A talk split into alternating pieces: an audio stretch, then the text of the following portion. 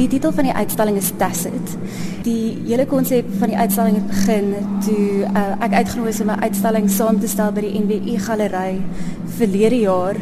Um wat my alma mater is, ek het vir 3 jaar by daai galery gewerk uh, onder die hand van Christina Nurattel.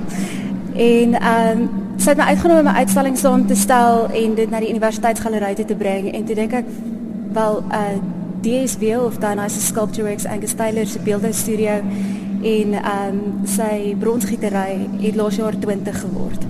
En ek het 'n bietjie met hom begin gesels oor oor die gedagte dat ons moet kyk na 20 jaar vandat die beeldhou studio begin is en ons nooi kunstenaars uit wat op een of ander manier geaffilieerd was met die met die studio. So dit sluit in mense wat al in die verlede by die studio gegiet het. Name soos uh Deborah Bell, David Brown, Gordon Froud, uh Norman Catherine Angus self en ook sy vrou wat mede-eienaar van die studio is Rina Stoetser. En ook die ehm um, kunstenaars wat al onder Angus gewerk het as beeldhouassistente. So daar is ons name soos Roan Jansen van Vieren, Emil Lawrence, Liberty Batson. Daar's 'n groot gros van kunstenaars wat onder hom gewerk het en op die einde hulle eie beeldhou uh of kunstenaars loopbaan begin het.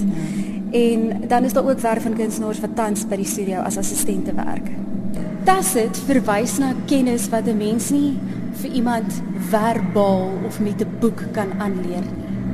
So dit is tacit kennis of tasbare. Tasbare is nie noodwendig die regte vertaling daarvan nie, maar um, ek dink dit is die maklikste mm. beskrywing om dit na Afrikaans te vat.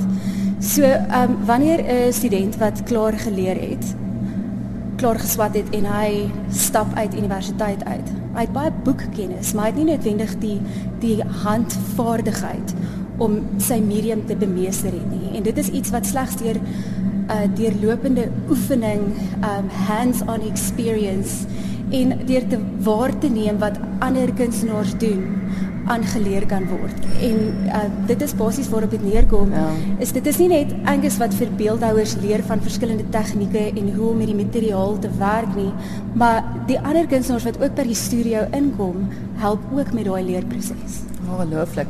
Nou, jy het genoem dat die uitstalling eintlik al soort van nou huis toe gekom het, want dit was op twee ander plekke te sien gewees, né? Ja, Angus se uh, voorwaarde met die uitstalling was omdat dit so groot projek is uh, moet dit nou meer as een galery reis. So ons het geopen by die NWI galery. Uh, ons het daar 'n entourage van omtrent 400 mense ontvang by die openingsgeleentheid. Dit was ongelooflik. En toe van daar het die uitstalling na die William Humphreys galery in Kimberley gereis waar hy vir 3 maande op was.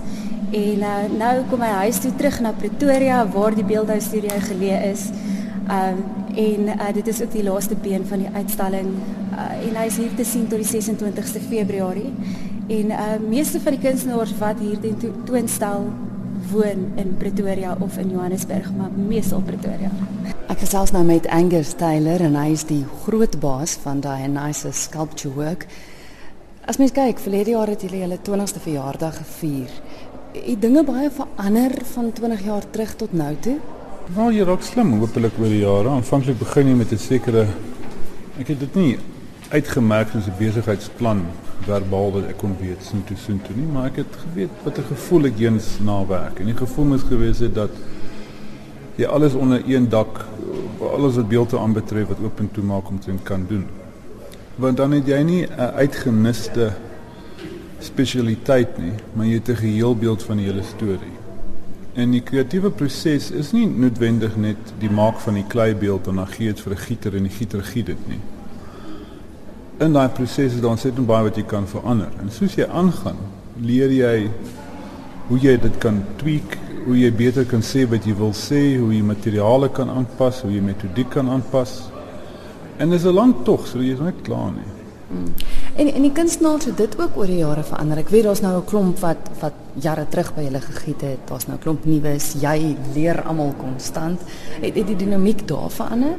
Dit het baie verander. Aanvanklik is jy 'n jong man met geen naam nie. You know, jy kom uit universiteit uit. So dit al wat jy kan doen is om te die giet vir van ouer beeldhouers se werk, want jou eie naam is nog glad nie herkenbaar nie. En mense vertrou dit nie. So hulle is nie bereid om geld op te spandeer nie. En met tyd doen jy net jou eie werk, jy doen nie meer ander mense se werk nie. Hoopelik. Want as mens dit ook nou besigheidsgewys oorweeg, as jy die intellektuele eiendom besit van die werk, dan kry jy dubbel die geld.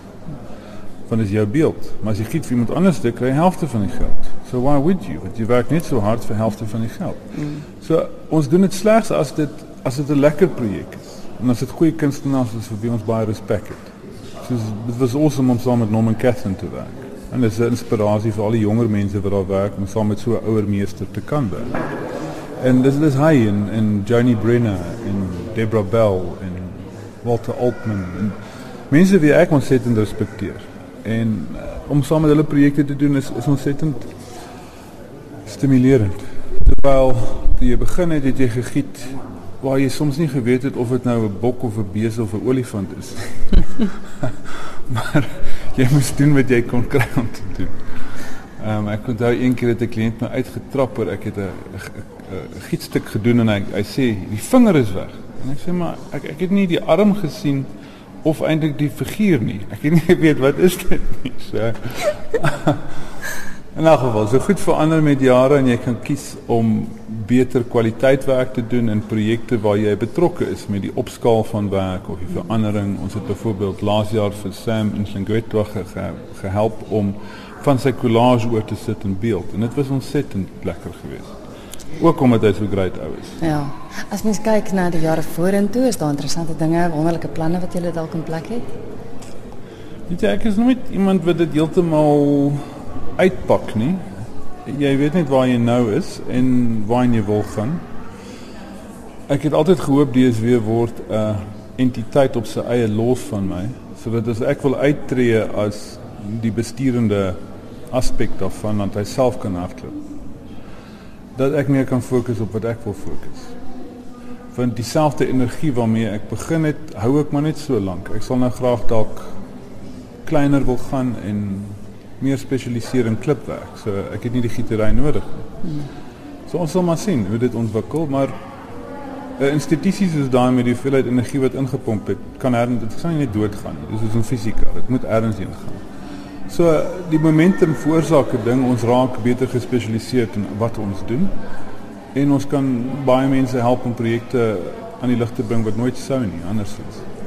So ek en en die span is ook net ongelooflik Ilani, Visser, ehm um, daar's net dis ongelooflike span mense.